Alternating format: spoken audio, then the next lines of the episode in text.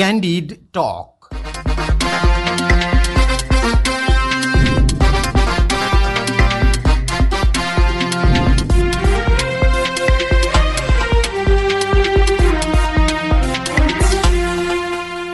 नमस्कार। क्यान्डिड टकमा तपाईँलाई स्वागत छ।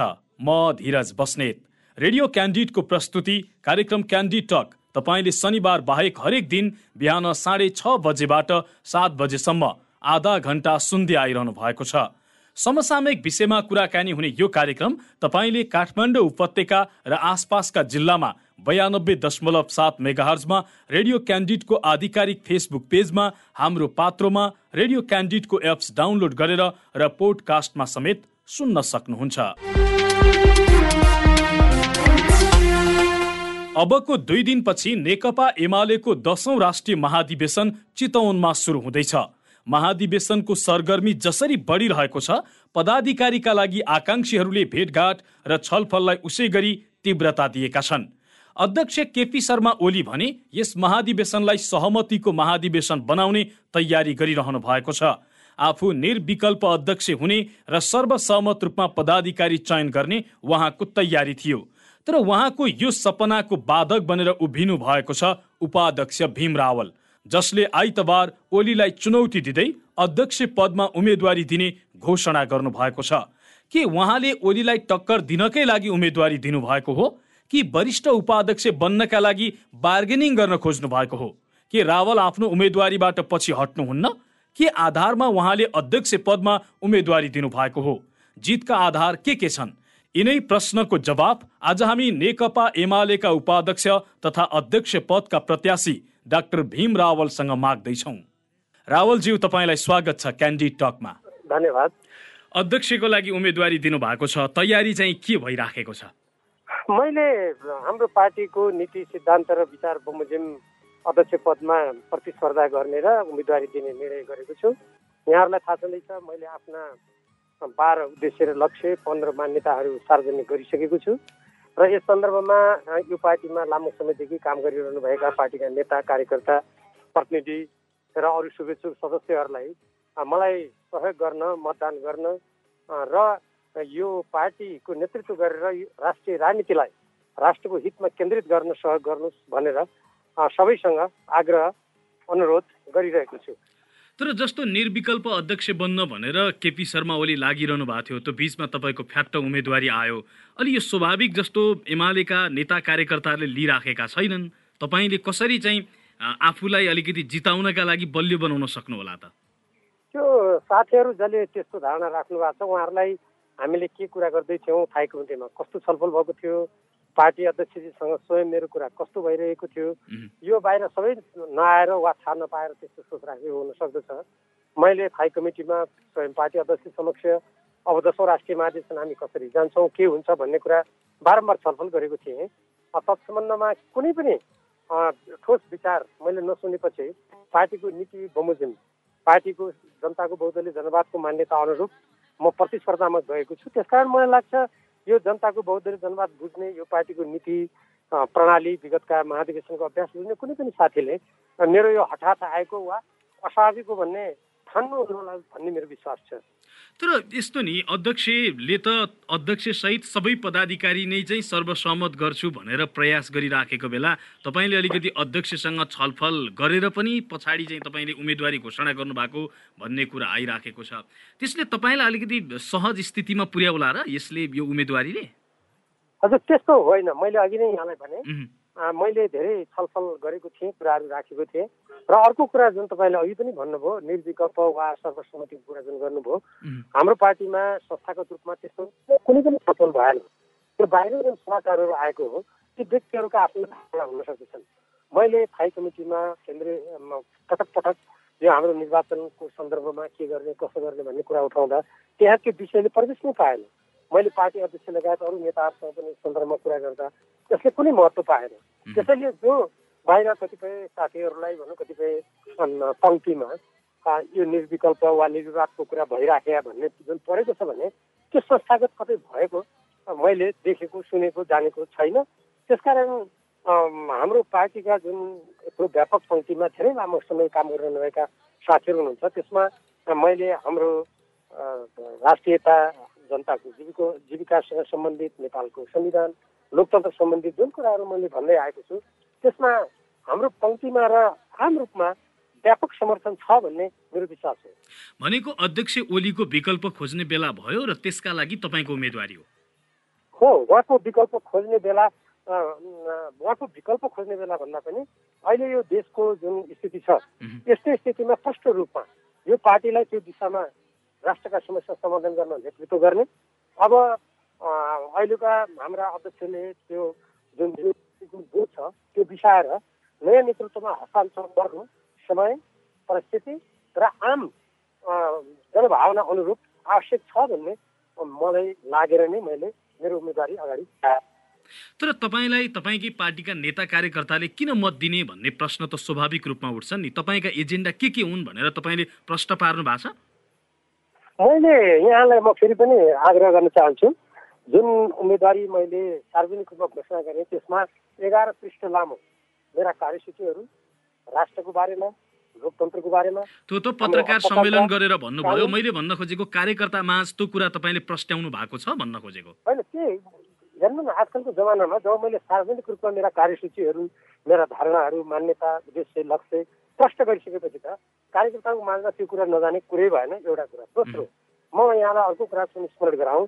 गत महाधिवेशन महाधिवेशनमा म उपाध्यक्षको रूपमा सर्वाधिक मत ल्याएर निर्वाचित भएर त्योभन्दा धेरै वर्ष अगाडिदेखि झन्डै पचास वर्ष मैले पार्टीमा काम गर्दा विद्यार्थीदेखि बुद्धिजीवी हुँदै अनेकौँ कामका क्षेत्रहरूमा मेरा धारणा मेरा मान्यताहरू मेरो काम मैले कार्यकर्ताको त जहिले पनि राखेको छु मलाई कार्यकर्ताले नचिनेको नजानेको नबुझेको भन्ने लाग्दैन।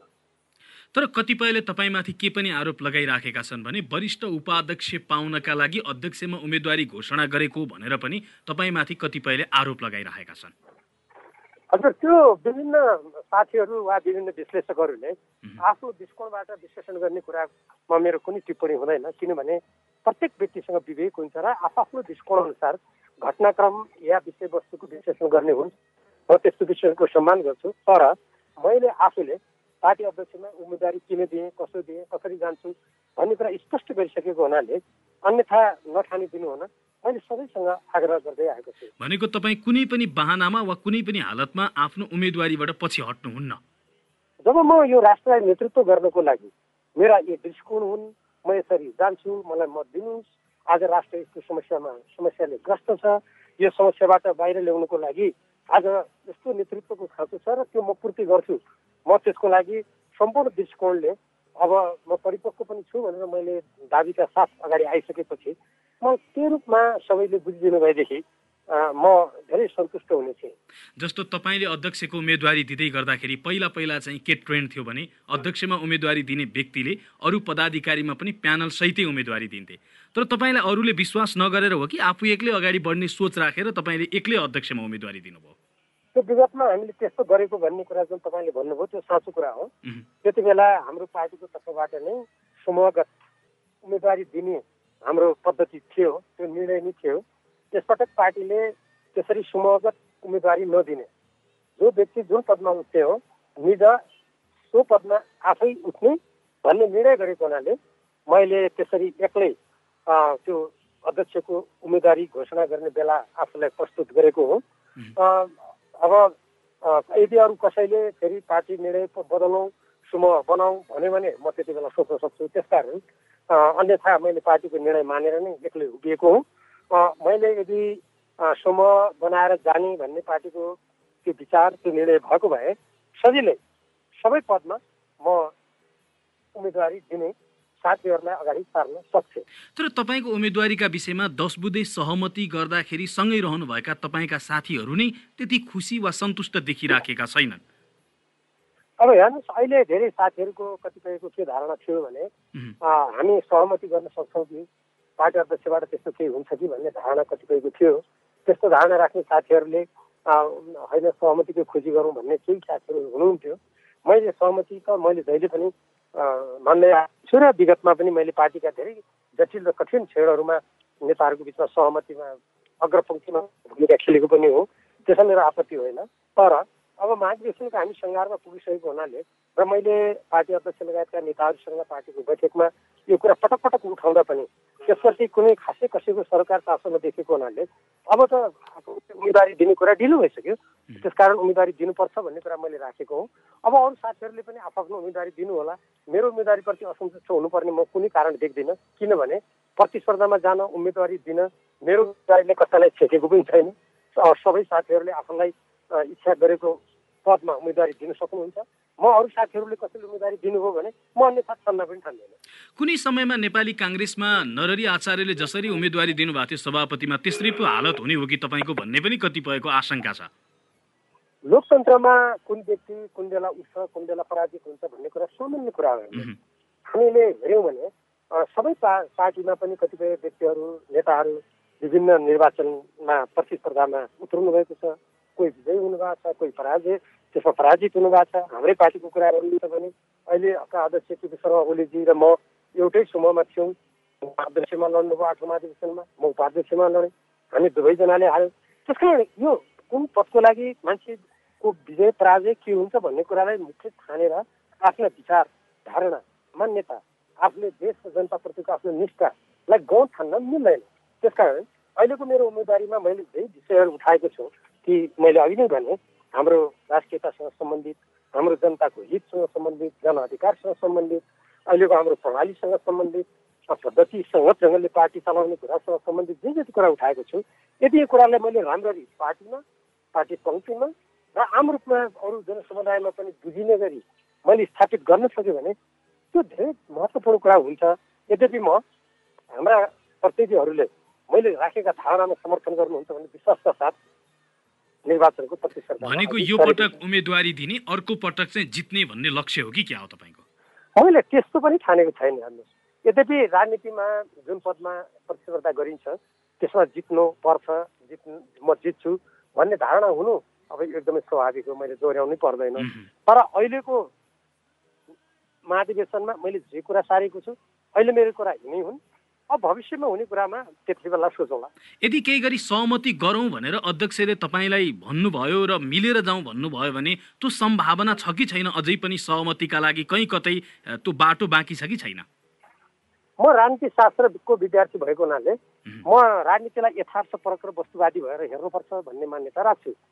अब अध्यक्षले के सोच्नुहुन्छ कसो गर्नुहुन्छ उहाँ स्वयंले नभनेसम्म मैले यसमा यसो उसो भन्ने कुरा त्यो केवल काल्पनिक कुरा हुन्छ। किनभने उहाँसँग मैले एक्ला एक्लै पनि कुरा गरिसकेँ बैठकमा पनि कुरा गरिसकेँ। यी सबै कुराहरू मैले हेरिसकेको हुनाले जुन तपाईँले प्रश्न गर्नुभयो तत्सन्दमा सन्दर्भमा अब पार्टी अध्यक्ष कसरी प्रस्तुत हुनुहुन्छ के हुनुहुन्छ कस्तो निष्कर्ष निस्किन्छ अब यस्तो कुरामा मैले अहिले यस्तो हुन्छ भनेर भन्नु त्यसलाई कुनै धेरै महत्त्व दिनुपर्ने वा त्यो धेरै यथार्थपरक हुने कुरा मलाई लाग्दैन तपाईँको उम्मेदवारी घोषणापछि अध्यक्षसँग चाहिँ कुराकानी भएको छ कि छैन? भएको छैन। उहाँले तपाईँसँग वा कोही मार्फतबाट केही कुरा पठाउनु भएको छ कि? उहाँले पठाउनु भएको पनि छैन त्यस्तो कुरा भएको पनि छैन। जस्तो दस बुधे सहमति गरेका साथीहरूसँग कम्तीमा तपाईँले कुराकानी गरेर सल्लाह गरेर उहाँहरूलाई समेटेर उम्मेदवारी दिएको भएदेखि अलिकति तपाईँको उम्मेदवारीमा अझै बढी चाहिँ खालको शक्ति देखिन्थ्यो कि? मैले अघि नै भने यहाँलाई त्यो हाम्रो पार्टीको निर्णय बमोजिम सबैलाई समेटन अगाडि बढाउने सामूहिक रूपमा घोषणा गर्ने त्यस्तो हुन नसक्ने भयो निर्णयको कारणले गर्दा। त्यसै कारणले नभएको हो। जहाँसम्म त्यति बेला हामी जो दसमती सहमतिमा एकै ठाउँ थियौँ ती साथीहरूसँग त मेरो निरन्तर कुरा भइरहेकै छ भइरहेकै हो। त्यसमा त के समस्या छ र? जस्तो एमालेमा अहिले खास गरी तिनवटा खेमा एउटा दस बुधे सहमति गरेर एमालेमा रहनु भएकाहरू अर्को पूर्व माओवादी साथीहरू र अर्को चाहिँ खास गरी एमालेमा जो चाहिँ पहिला ओलीसँग हुनुहुन्थ्यो उहाँहरू। तिनवटा जुन समूह छ तिनवटा समूहलाई नै तपाईँ समेटेर चाहिँ अगाडि बढ्न सक्छु भन्ने छ कि केही निश्चित साथीहरूसँग चाहिँ मैले अलि राम्रैसँग अगाडि बढ्ने खालको योजना गरेको छु र उहाँहरूलाई कन्भिन्स गराएको छु भन्ने मात्रै छु। मैले अहिले तपाईँले जे भन्नुभयो त्यसरी नै अगाडि जाउँ भन्ने कुरा पार्टीका विभिन्न बैठकहरूमा राखे। तदनुरूप नै दस बुधे सहमति केन्द्रीय कमिटीबाट पारित पनि भयो र अन्तर्पार्टी निर्देशन जारी पनि भयो। त्यसको पूर्ण कार्यान्वयन हुनुपर्छ भन्ने कुरा मैले जहिले पनि भनिरहेँ र त्यस्तो हुन सकेन। सदस्यता वितरण नवीकरण प्रतिनिधिको चयन पनि निष्पक्ष रूपमा हाम्रो पार्टीको मूल्य मान्यता अनुरूप हुन्छ भन्ने कुरा पनि मैले भनिरहेँ। त्यो पनि भएन। देशका विभिन्न भागहरूमा हाम्रो पार्टीको नीतिलाई नसुहाउने लोकतान्त्रिक दृष्टिकोणबाट अनियमित भनिने त्यस्ता क्रियाकलाप भए। उदाहरणको लागि कैलाली जिल्लाको लम्ची चुवामा त त्यहाँ उम्मेदवारी नै नदिई निर्वाचन प्रक्रिया नै सुरु नगरी धनगढीबाट केही व्यक्तिहरूले अत्यन्त स्वेच्छाचारी किसिमले त्यहाँ प्रतिनिधिहरूको नाम घोषणा गरिदिए र त्यसको विरुद्धमा बाह्र सयभन्दा बढी पार्टीका सदस्यहरूले लिखित रूपमा पार्टीमा उजुरी गरिरहेको अवस्था छ उदाहरणको लागि। त्यस कारणले गर्दा मेरो मान्यता छ यहाँले भन्नुभयो जस्तै सबैलाई समेटेर जानुपर्छ। किनभने पार्टीमा विभाजन पनि भइरहेको बेला आगामी चुनावहरूमा पनि हामीले प्रतिस्पर्धामा गएर जित्नुपर्ने स्थितिमा सबैलाई समेटेर नै पार्टी बलियो हुन्छ भन्ने मेरो धारणा हो। तर पार्टीमा अख्तियार प्राप्त व्यक्तिहरू जसले कार्यकारी अधिकारको उपयोग गर्नुहुन्छ उहाँहरूले नै त्यो दिशामा स्पष्ट रूपमा काम नगरेपछि वा गर्ने कुनै लक्षण नदेखाएपछि अब मेरो हातमा त कार्यकारी अधिकार छैन। त्यस कारण मैले गरेर हुने कुरा भएन। अहिले पनि म त्यो मान्यता राम्रो भनी ठान्छु। तर अब त निर्वाचन नै आइसकेको हुनाले प्रतिस्पर्धामा गएर आफ्ना नीतिहरूलाई भोलि पार्टीको केन्द्रीय कमिटीबाट कार्यान्वयन गर्नु उपयुक्त भने ठानेर अगाडि बढेको छु। जसरी तपाईँले कैलालीको कुरा गर्नुभयो नि लगभग देशैभरि यसै गरी अध्यक्ष ओलीले जसरी निर्देशन दिनुभयो त्यसै गरी धेरैजसो महाधिवेशन प्रतिनिधिहरू छनौट भएका छन्। अब ती प्रतिनिधिले तपाईँलाई भोट हाल्लान् कि अध्यक्ष ओलीलाई? सबै ठाउँमा त त्यस्तो भएको छैन। कतिपय ठाउँमा भएको छ र त्यो लोकतन्त्रकै लागि उपयुक्त होइन। अब तर जहाँबाट प्रतिनिधि आउनु भए पनि हाम्रो पार्टीमा विगतमा पनि के देखेको छ भने प्रतिनिधिहरूले धेरै विवेक सम्बद्ध किसिमले देशलाई हेर्ने लोकतन्त्रलाई हेर्ने पार्टीको एकता भोलिको विकासलाई हेर्ने गरेर आफ्नो मतको प्रयोग गर्दै आउनुभएको छ। त्यसकारण प्रतिनिधिहरू जसरी तल जसले जेसुकै अनियमित क्रियाकलाप गर्न खोजे पनि प्रतिनिधिहरू धेरै जसोले देश जनता र पार्टीको उज्यालो भविष्यलाई हेरेर आफ्नो विवेक प्रयोग गर्नुहुन्छ भन्ने मेरो विश्वास हो। तर तपाईँलाई चाहिँ खास गरी अध्यक्ष ओलीले अझै तपाईँलाई र अरू दस बुधे सहमति गरेकाहरूलाई पनि विशेष गरी तपाईँ र घनश्याम भूषाललाई दुईजनालाई चाहिँ अध्यक्ष ओलीले अहिले पनि माधव कुमार नेपालका सहयोगीका रूपमा मात्रै उहाँले हेर्नुहुन्छ कि जस्तो लाग्छ उहाँका अभिव्यक्तिहरू हेर्दाखेरि?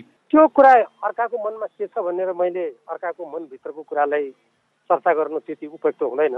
र अर्को कुरा पार्टी अध्यक्ष स्वयंले केन्द्रीय कमिटीमा निर्णय गरेर मैले अघि भने अनुसारकै अपानी बाह्रमा हस्ताक्षर गरेर मैले कार्यान्वयन गर्छु भनिसकेपछि हामीले पनि त्यो मानिसकेपछि यदि त्यस्तो अर्को अन्यथा कुनै डिस्काउन्ट राख्ने हो भने त त्यो त एउटा राजनीतिक नेताले जिम्मेवारीपूर्वक सोच्ने काम गर्ने कुरासँग मैले खाँदैन तर पनि म उहाँले कस के सोच्नुहुन्छ उहाँको मनमा के छ म त्यो विश्लेषण गरेर बाहिर म भन्छु यही हो भने ठुकुवा गर्छु भन्ने स्थितिमा छैन। त्यस्तो गर्नु मलाई उचित पनि हो जस्तो लाग्दैन। तर हेर्नु न खास गरी तपाईँलाई जसरी सुदूरपश्चिम प्रदेशको इन्चार्जबाट जसरी तपाईँको जिम्मेवारी खोसियो त्यो त आखिर खोसेको खोसै नै बनाउनु भयो नि त उहाँले त।